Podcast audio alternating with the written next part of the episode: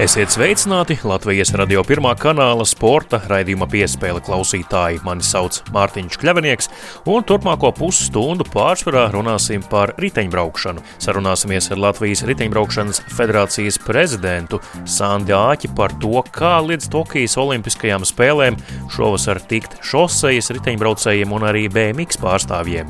Starp šoseiniekiem ir trīs spēcīgi kandidāti startēšanai Tokijā, bet divas brīvas vietas, un par tām cīnīsies piedalīsies Toms Skuiņš, Krists Nēlans un Emīls Liepiņš. Savukārt BMX riteņbraukšanā situācija līdzīga, arī potenciālas divas vietas Olimpiādē un reāli trīs pretendenti. Sazināsimies ar vienu no viņiem, proti Kristenu Krīgeru, kurš šobrīd atrodas Kolumbijā un gatavojas sacensībām. Bet raidījuma ievadā vispirms atcerēsimies šonadēļ mūžībā aizgājušo leģendāro un izcilo hokeja komentētāju Marisu Andersonu, bet tas viss jau pēc pavisam īsa brīža.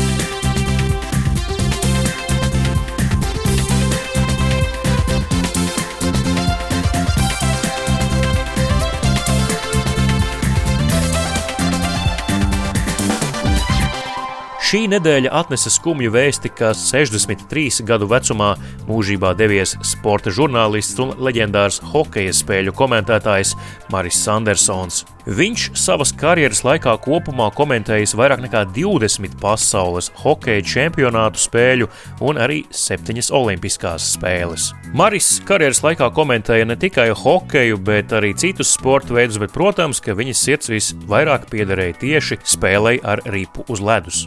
Maris ar rakstiem par hokeju ir piedalījies vairāku grāmatu tapšanā. To vidū ir Latvijas simtajai dzimšanas dienai veltītā grāmata Latvijas sporta lepnums 100, hokeista Kāļa Krastiņa piemiņas grāmata 37 stāsti par Kārli, vairāku gadu pirmssezonas uzziņu izdevumus hokejs 20. gadsimta 80. gados un citas.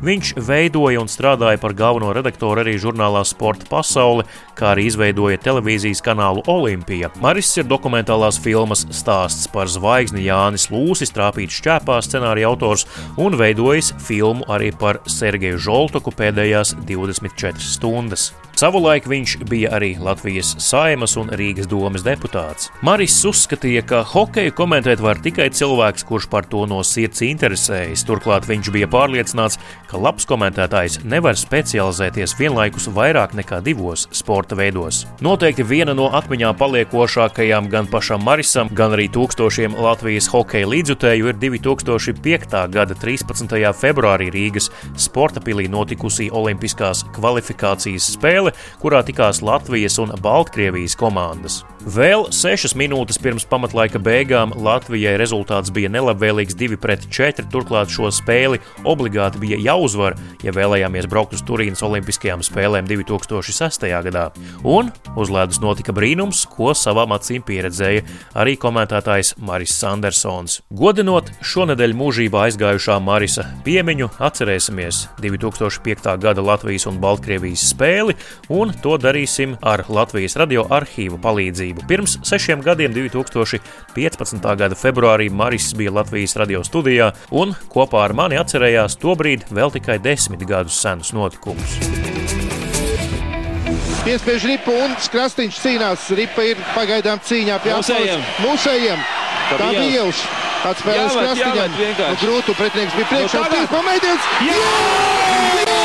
Jā! Jā! Jā! Tas ir kaut kas neredzēts. Jābūt ripa mūsējiem, krastiņam ārā no zonas, ārā izdodas. Jā, ripa ir ārā no zonas. Divas sekundes viena. Jā! Tas Jā. nu tiešām ir brīnums. Šis, šī diena, šis mačs, un tie, kas redzēja visu mūžu, varēs atcerēties toreiz tajā datumā, kā Latvija uzvarēja. Ja būtu vienkārši uzvara, tā piemirstos, bet šādas uzvaras neaizmirsīsies nekad tajā brīdī, kad tiešām viss izšķirās, un tēvs teica, viņš tur tā bļāva, it kā tev būtu ar sirpi kaut ko nogriezt. Es uzskatu šo maču par izcilāko uh, Latvijas izlases uh, spēli, nevis Pēterburgā ar Krieviju. Otro es pat liktu Sotlīkas olimpiādē pret uh, Slovākiem no 3-6, 6-6, bet šis turnīrs vēl te jāņem vērā, ka iepriekšējā turnīrā uz Nagono, ka mums bija vislabākais sastāvs, mēs Baltkariem, turpat Rīgas sporta pilī zaudējām zaudējām. Zaudējām ar 1 pret 4, kad Musēja bija izteikti favorīti, jo šī gadījumā arī Baltkrieviem bija labākie spēlētāji, arī tie, kas jau spēlēja. Tas pats Grabovskis pieminētājs Salējs, viņi bija Nacionālās hokeja līgas spēlētāji. Pirmajā reizē tas bija augsts ūdens, un arī tagad viss, viss gāja, jo pēc pirmajiem diviem periodiem likās, ka nu, grūti, ļoti grūti būs salauzt, un ka tas notiks tieši tādā veidā, tur darbs Šekspīram. Sporta spēļu komentētājiem vienmēr ir jārada tā ilūzija, ka vēl ir cerība izglābties, pat ja ir tāda diezgan bezcerīga situācija. Jūs pats ticējāt, tad, kad bija palikušas šīs apmēram sešas minūtes līdz spēles beigām, ka ir iespējams gūt trīs vārdus un aizbraukt uz Turīnu. Tu zini, es pat īsti neatceros, vai es ticēju vai neticēju. Es biju tā aizrāvies ar spēli, ja, ka nebija laika, teiksim, domāt, bet tā, ka tā cerība bija tomēr. Pirmais šis panākums, kad bija jau samazināta vārdu starpība un, un uzreiz nākamie, un, un, un tad par pēdējo, nu, man tikai bija bail par vienu, ka nepietrūks laika, vai ne? Nu, iemetīs sekundi pēc uh, fināla signāla un cauri. Kuri ir astroloģijas, numeroloģijas, dažādu konspirāciju teoriju piekritēji. Viņiem ir ļoti labs fons šai spēlē, ko meklēt uh, dažādos, uh, no dažādiem aspektiem. Varbūt varam paskatīties vispirms uz vienu. Tā bija Rīgas sporta pils pēdējā ziema. Pirms trīs mēnešiem bija aizgājis Sergejs Žoltoks, un daudzi spēlētāji arī pēc spēles intervijās atzina, ka nu, bija tāda sajūta, ka kaut kas tomēr stāvēja klāt tur augšā un tā teikt pagrūda uz ledus to ripiņu uz priekšu, lai ieslīdētu vārtos. Zini, Mārtiņ, es tā pavisam godīgi neesmu tā, ne, ne, ne māķicīgs, ne arī tos cipars īpaši neskaitu un pat ar mokām atceros, kāds man tur horoskopā zvērts kaut kāds vai kaut kas cits. Bet tas, ka tā noskaņa bija, ka tas viss tur virmoja gaisā, varbūt tā bija tas, tas dzinulis, jo tur, nu tā kā mums ir dziesmu svētkos, ja, kad ir meža parka estādi, ka gaisā ir kaut kas tāds, kas visus vieno, kas dzenus, nu te meža parkā neviens priekš nedzen, vai ne, bet viss tā kolosālā kopības sajūta, un šeit arī bija, man liekas, puiši un arī skatītāji. Pilī, jo pilī tikt uz to maču, es pats zinu, es jau nedēļu iepriekš vairs neatbildēju uz zvaniem, kur sākās sarunas par biļetēm, jo, nu, un tur bija mieru pirkt par cik te tā pils liela bija. Jā. Faktiski tur bija 5000. Nē, tas bija, tas bija uz papīra, jo līdz ar to bija sporta pilī cita kategorija, lielāks augs, bet reālā dzīvē bija mazāk. Šo vietu bija mazāk, bet tas, ka tas gars bija un kas notika pēc tam.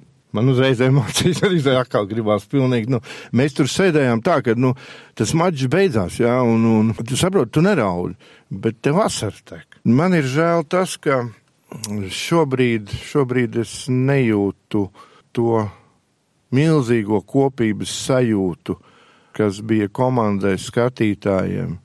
Nu, kaut kāds, vai jā, atbalstītāji ir uz čempionātiem brauc un, un uz, uz dināmo spēlēm iet un, un tā tālāk un tā, bet tur ir jābūt kādam izcilam un notikumam, lai atkal rastos šī sajūta, šī kopības sajūta, un tas jau ir papildus dot spēkus visiem. Te zaudētāji nav neviena. Labāk, Mārtiņ, paliksim pie kolosālās sajūtas, kas mums valda atceroties šo maču.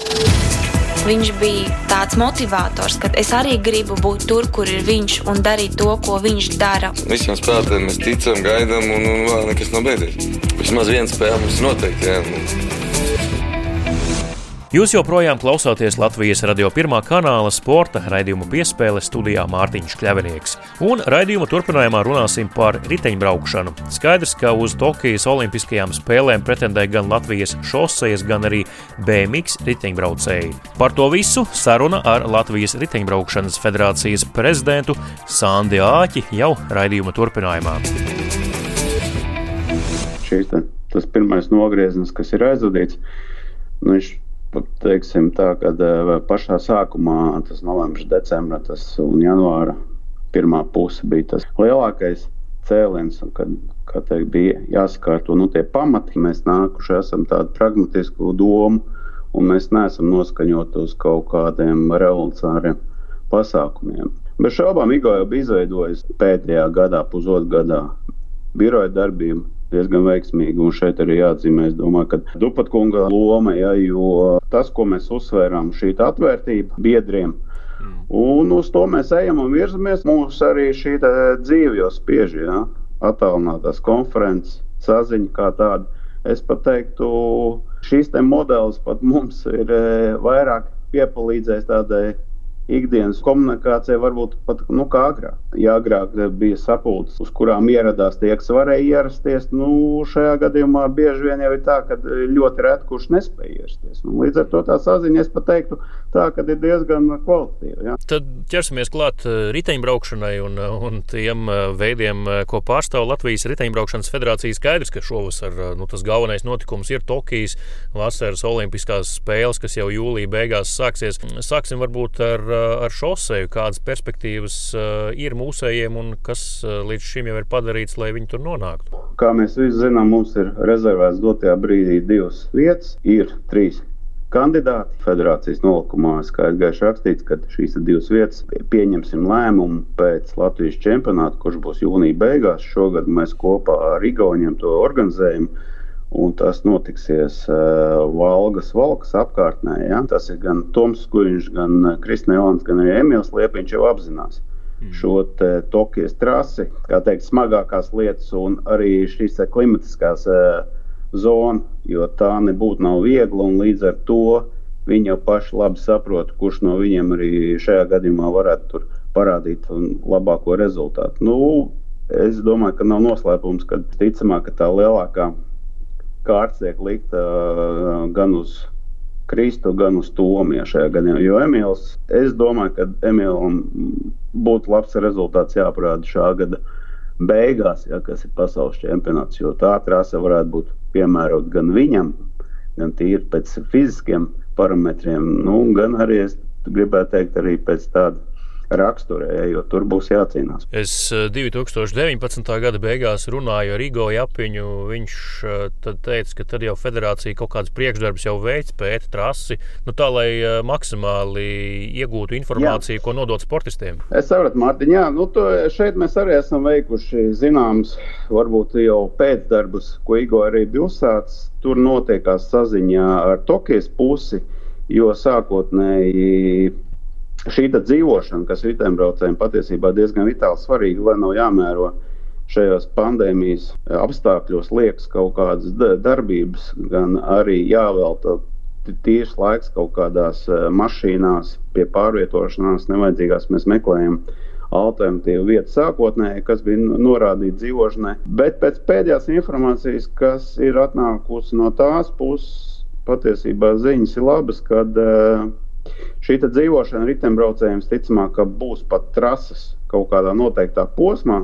Protams, mēs šajos apstākļos tur nevaram aizbraukt tagad daudz ātrāk un kaut ko pētīt, bet e, mums ir tāda versija, jā, kad iespēja robežās tā būs nedēļas griezumā, kad iespējams, jā, kad jau būsim jau tur jau, jā, un kad veiksim jau, nu, pirmkārt, trases izpēti, aklimatizācija vispār. Jo. Mm. Respektīvi, nedēļu pirms starta varētu jau mūsu divi atlēti būt tur, šoseinieki, un jau gatavoties. Nu, Tādu mēs esam aptuveni jau to mērķi uzlikuši dotajā brīdī. Viena lieta ir, ko mēs gribam, mm. bet otra lieta, nu, kādas būs tās reālās iespējas, jo situācija mainās.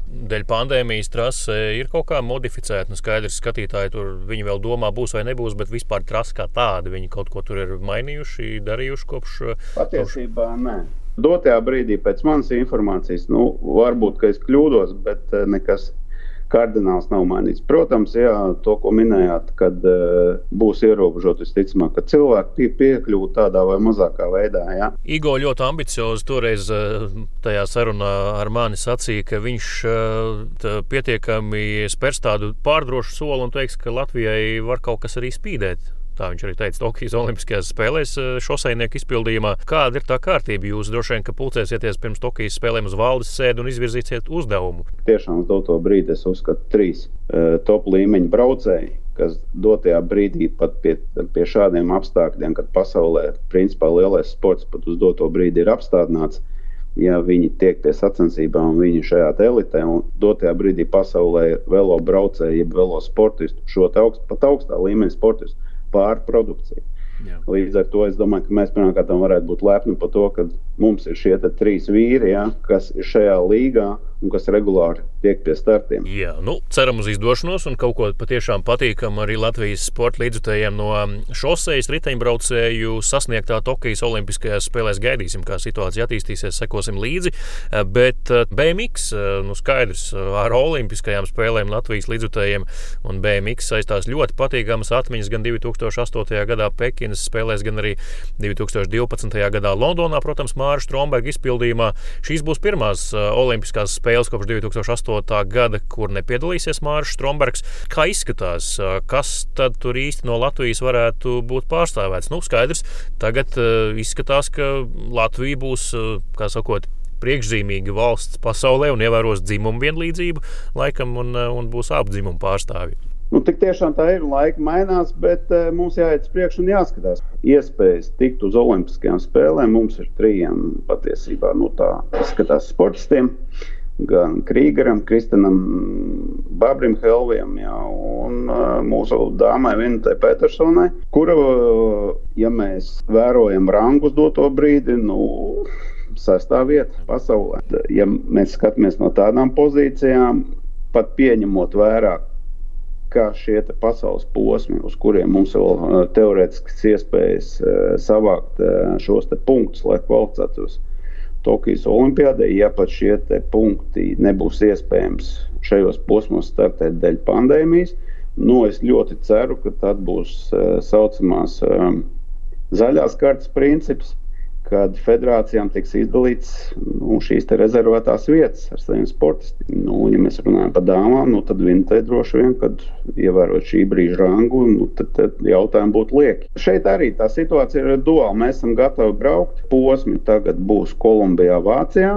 Kāda vispār ir šī situācija BMX vidē šobrīd? Nu, Igo Japiņa pēdējā prezidentūras gadā tur bija nesaskaņas starp klubiem, starp vispār dažādiem eh, viedokļu paudējiem, kur BMX virzīties, kādā virzienā to attīstīt un, un kā vēl mēģināt to pagaidām jau mokošo zaķi, šo Stromberga vilni noķert aiz astes, lai bērni nepazūd no BMX. Šobrīd uh, ir kaut kāds tāds eh, miera periods iestājies Jā, un kopīgi doma atrast visiem. Tas jau neatiecās neatiecās tikai uz BMX vienkārši. Mm.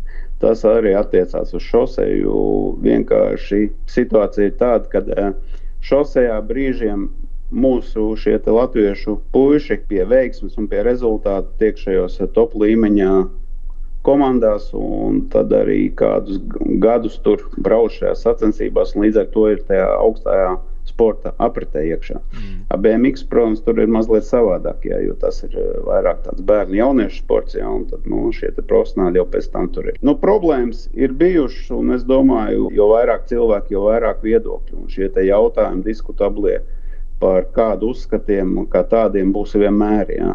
Ja mēs nospraužam kaut kādu mērķi, nu, tad mums ir jāvienojas arī, kā mēs šo mērķi varam realizēt. Bez šaubām arī Olimpijāda kā jebkurā sporta veidā, ir kaut kāds atskaites punkts tam visam stāstam. Tad Tokijas olimpiāda pat varētu būt starposms, lai gatavotos pat uz nākamo olimpiādu. Mēs esam nākuši gan jaunā valde, gan arī birojas ar to, ka nu, mēs esam atvērti šām sarunām, un šīs sarunas jau notiekās un veidojās.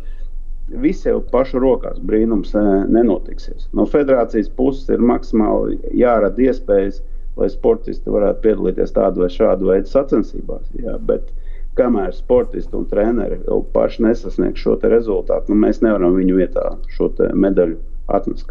Jā, mums jādod ir iespēja, un laiki mainās. Bija Stromberga laiks, pa to laiku Eiropieši veic mājas darbus, cītīgi strādāja, viņi aizbraukuši uz priekšu. Mm. Mēs, gul, mēs gulējām uz lauriem? Nu, es negribu teikt, ka uz lauriem. Varbūt bija kaut kāda pašapmierinātība kaut kādā brīdī. Mēs nevaram sacensties ar Eiropas federāciju un Eiropas valstu budžetiem. Mm. Tas ir precīzi tāpat kā bobslējā. Mums jābūt kaut kā unikāliem. Ja, nu, mums ir eh, dotajā brīdī viena laba trasa, Eiropai atbilstoši. Tā ir Valmiera. Jā, es ceru, ka mums kaut kas līdzīgs arī izdosies Rīgā. Šeit iet runa par meža parku trases pārbūvi, šī starta rampa, ja, lai būtu atbilstoši. Mm. Lai mēs šeit varētu taisīt Eiropas līmeņa jau maču. Tā kā Jā, kaut kā tā. Paldies! Tāda saruna Latvijas radio pirmajā kanālā, raidījumā piespēle ar Sandi Āķi, Latvijas riteņbraukšanas federācijas prezidentu. Paldies, ka atradāt laiku sarunai, un tad lai veicas gan tiem, kuri brauc pa asfaltu, gan tiem, kuri pa tādām um, paugurēnākām trasēm sacenšas ar mazākiem velosipēdiem. Jā, nu paldies, un esam veseli galvenais pēc labi nobrauktiem mačiem un tieši no radio un no radio sporta raidījumiem. Tie ir tie pirmie cilvēki, kuriem ar maniem runā. Latvijas radio pirmā kanāla sporta raidījums piespēle turpinās. Studijā Mārtiņš Kļavinieks un turpinām runāt par riteņbraukšanu. Tātad sarunājāmies jau raidījuma pirmajā daļā ar Latvijas riteņbraukšanas federācijas prezidentu Sandi Āķi gan par šosejas riteņbraucējiem, gan arī par BMX censoņiem. Nu, tad raidījuma otrā daļa veltīta BMX riteņbraukšanai un sarunāsimies ar vienu no labākajiem Latvijas šī sporta veidu pārstāvjiem, Kristenu Krīgeru. Sveiks, Kristen! Čau, čau! Nu, es saprotu, tu esi tālu no dzimtajām mājām. Pastāst varbūt vairāk klausītājiem, kur tu šobrīd atrodies. Jā, nu tagad pēc ilgāka laika nodzīvojis mājās. Esmu projām Kolumbijā. Bogotā atrodos C1 sacensībām. Tagad mums ir beidzot pasludināti olimpiskie kritēriji, tagad pēc lockdowna maiņas un visa tagad ir skaidrs un ir atsācies un parādījies sacensību kalendārs. Tad to es arī izmantoju un esmu atbraucis uz sacensībām. Jā, jā nu es te drusku arī palasīju to, kas publiskajā vidē atrodams ar, ar taviem komentāriem par 2020. gadu. Tu tur izteicies, ka nu, diezgan nomācoši ir tas, ka kaut kam jāgatavojas, tu nezini, kam sacensību kalendāra nav, nezini, kur startēt. Cik grūts bija tas pagājušais mm -hmm. gads? Tāds arī, kā tik, tikko tu pastāstīji, tāds arī bija. Viss bija vienā lielā neziņā tas būtu tas vārds, ar ko to varētu raksturot. It kā kaut kādā mirklī mums kaut ko paziņo, tad tu sāc gatavoties, tad tas atkal tiek atcelts. Un tu, tu gaidi nākošo ziņu, un tāds apburtais lokus līdz pat šim pašam 21. gadam, kad mums, nu, es teiktu, pirms trīs nedēļām beidzot kaut ko vairāk, un laikam tagad ir simtprocentīgi apstiprināts, kāds iztīsies, un ir, nu jā, tagad ir beidzot skaidrība par to, kam gatavoties, kā gatavoties un kas notiksies. Nu, labi, nu, sēdēt mājās, trenēties, skaidrs, ka nav nekāds, nekāda jautrā nodarbi un vajag eh, to visu laiku atsvaidzināt, kaut kā savu prātu uzfrišināt, lai ir jaunas emocijas un, un mm -hmm. uzrāviens. Mm -hmm. Kā tu ar to visu tik galā, kā tu saglabāji sevi tādā pareizā virzienā? Tad liels paldies trenerim, kad viņš uh, tren, Ivo Lakčam, uh, mm. kurš treniņu darbu padarīja interesantāku tādā ziņā, ka mēs pamainījām lietas, ko mēs darām. Varbūt kaut ko netradicionālāku darījām, uh, lai vienkārši tiešām, nu, saglabātu to prieku. Vairāk bija treniņu ar riteni, kas arī kas man ir nu, mīļākā lieta, protams. Nu, un tad es vēl atradu savu hobiju, golfu. Tas man īstenībā es teiktu, diezgan izglāba pagājušā vasarā. Novirzīja domas no visa pārējā. Tur es varēju atslābināties, darīt savu lietu un nedomāt par to, kas notiek apkārt. Tad jums tagad ar Māršu Strombergu ir par ko parunāt vēl viens temats klāt, jā? Jā, jā tā varētu teikt. Nu, viņš ir pagājis citā līgā pagaidām, bet jā, es gatavojos. Mēs, protams, pieskarsimies vēl um, tam ceļam uz Tokiju un visu pārējo. Varbūt uh, vairāk pastāstīja, nu, kā tu esi šos pēdējos gadus pavadījis. Uh, nu, skaidrs, ka kaut kāda fragmentāra informācija ir pieejama, bet tomēr tu biji viens no tiem, kuru Māris, kā nezinu, laikam savu protežē aizved uz Ameriku. Tu laikam taču pie viņa arī dzīvoji. Kā tas Amerikas laiks beidzās un kāds tev bija pēc tam jā, tālāk virzījies pēc šī Amerikas laika? Tas viss īstenībā sākās ātrāk, kad Ivo mani uzaicināja trenēties kopā. Tas ir uh, 13. gads. Bija Rihards Veida Mm. Uh, Edžers Streimans un, jā, un Māris, kas bija mani elki, un man radās iespēja trenēties ar viņiem kopā. Tad tā arī līdz tai pašam Rio, līdz beidzamajam mirklim, uh, ka es biju kā rezerves sportists, aizbraucu uz mačiem. Uh, Māris ar Edžu, tā es arī viņiem esmu kopā trenējies. Viņi mani no junioru vecumu ir vilkuši līdzi un uh, motivējuši. Un, un, un, un tā tas arī notika. Jā, arī liels paldies Mārim, pie kuras es varēju braukt uz treniņu nometnēm, trenēties kopā ar viņu. Un tagad, jā, protams, tas viss ir pamainījies. Tagad es esmu vecākais grupā. Tagad es esmu tas, kurš cenšas pavilkt varbūt kādu jauno līdzi un uh, ņemt piemēru, ko man deva tie puiši un dot tagad jaunajai paudzei. Tā parās jau tagad ir uh, izveidojušies kontakti ar citiem sportistiem. Es esmu tāpat braucis pie saviem komandas biedriem uz Ameriku trenēties un tā kā it kā jau nekas super globāli nav mainījies. Tas viss, viss, viss treniņu process, un tas ir ļoti līdzīgs. Tikai ir pamainījušies cilvēki man apkārt. Šis te valmieras veidojums, neatceros tagad ātrumā to abreviatūru ar daudziem burtiem, bet respektīvi augsto sasniegumu sports. Tā kā es esmu. Jā, jā, jā. Kas, tas, kas tas īsti ir? Pastāst vairāk, un kā tevi tas atbalsta šī, šī organizācija? Šī organizācija ir tā, ka tas ir jā, augstu sporta sasniegumu centrs, kurā mēs Valmjerā dzīvojam, trenējamies. Viņi mums nodrošina visu treniņu centru. Viņi mūs finansiāli atbalsta šīs brauciens, kur es tagad esmu Kolumbijā, arī ir viņu atbalstīts. Un, un, un tā ir iespēja jā, arī jauniem sportistiem, kur ir no citām Latvijas vietām, braukt uz Valmjeru. Viņiem ir dzīvošana, viņiem ir treniņa apstākļi Viņiem ir treneris, un tev ir uzreiz jau apkārt komanda ap tevi, kas ar tevi strādā. Un... Jā, nu tā tad Tokijas Olimpiskās spēles šī vasara, kā jau mēs te ar Sandu Āķi runājām, un es arī uzsvēru pirmās uh, Olimpiskās spēles, kurās nepiedalīsies, nepiedalīsies Mārcis Strombergs kopš 2008. gada, mm, un pirmo reizi kopš BMX ir iekļauts Olimpiskajā mhm. programmā vispār. Kā tu redzi to savu vīziju, kā tev līdz turienei nokļūt? Tā vīzija īstenībā ir pavisam vienkārši. Mums tagad ir jā, tie jaunie kriteriji. Šīs ir sacensības, kas jau dos punktus kvalifikācijai.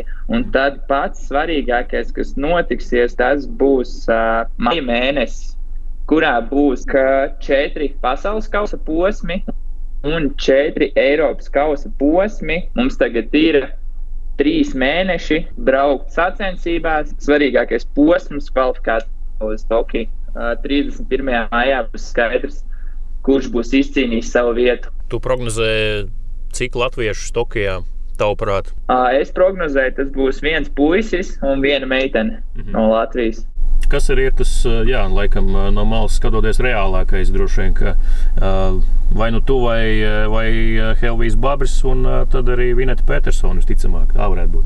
Jā, jā, tad, nu, ir Vanes Buldīnska, bet tur jā, jau vairāk tas svaru kauss ir vairāk nosvēries uz vienas puses. Bet uh, viss ir iespējams, jo tiešām šie trīs mēneši tas arī ir jā, galvenais, kas arī parādīs. Jā, nu tu jau minēji par paudzēm, par gadiem, par to, kā bija kādreiz, kad tu biji jaunākais kopā ar Rēģu Māri un, un Rihardu, un tagad tu esi tas, uz kurus skatās jaunie latvieši. Vispār tā paudžu mājiņa BMX ir notikusi kopumā tādā pasaules kausa apritē. Jā, viennozīmīgi sports mainās un uh, jauni braucēji parādās katru gadu. Un, uh, manuprāt, tas top blīvums ar katru gadu palielinās. Tā jau arī nevar teikt, ka kādreiz bija vieglāk vai kā, bet likās, ka bija varbūt 16 tādi uz uzvaru pretendējoši sportisti. Tagad, manuprāt, jau ir 32. Vidējais līmenis ir ļoti pacēlies ar šo paudžu maiņu. Un, uh, Tā kā jā, Latvijā tā noteikti ir notikusi. Skatoties tavā pasē un tavā dzimšanas gadā, jāsaka tā, nu jāņem tā izkaps rokā un jāpļauj, ko var tagad tieši šobrīd. Precīzi, precīzi tā ir. Jā. Tas, kas notiek Latvijas BMX vidē, kā tu to raksturotu, nu, Ivo ar savām zināšanām skaidrs, ka ir ļoti milzīgs devums Latvijas BMX vidē.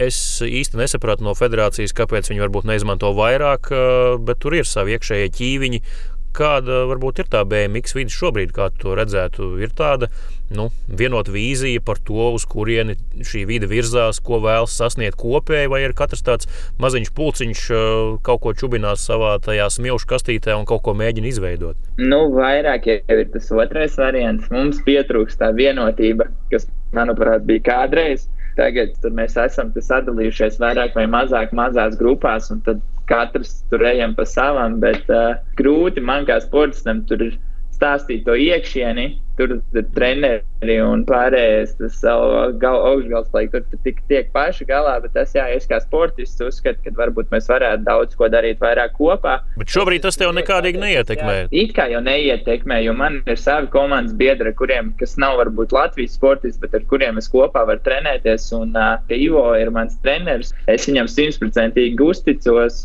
Tā kā mēs ejam pēc savu plānu, mēs darām savu lietu. Un, kā es teiktu, ka, protams, tas man ļoti baigi neietekmē. Tāda saruna ar Kristinu Krīgeru, vienu no Latvijas labākajiem BMX braucējiem. Viņš ir ceļā uz Tokijas Olimpiskajām spēlēm, certām kvalificēties. Tā kā 1. jūnijā mēs jau ar tevi droši vien varēsim sazināties un saprast, kā te tev ir izdevies. Ir to paveikt vai nav, vai ne? Ja. Lieliski. Tad, lai izdodas, lai tu kļūsi par Tokijas olimpieti, un, un tad jau saziņu kādu citu reizi. Līdz ar to arī izskan šīs nedēļas Latvijas radio pirmā kanāla sporta raidījums piespēle.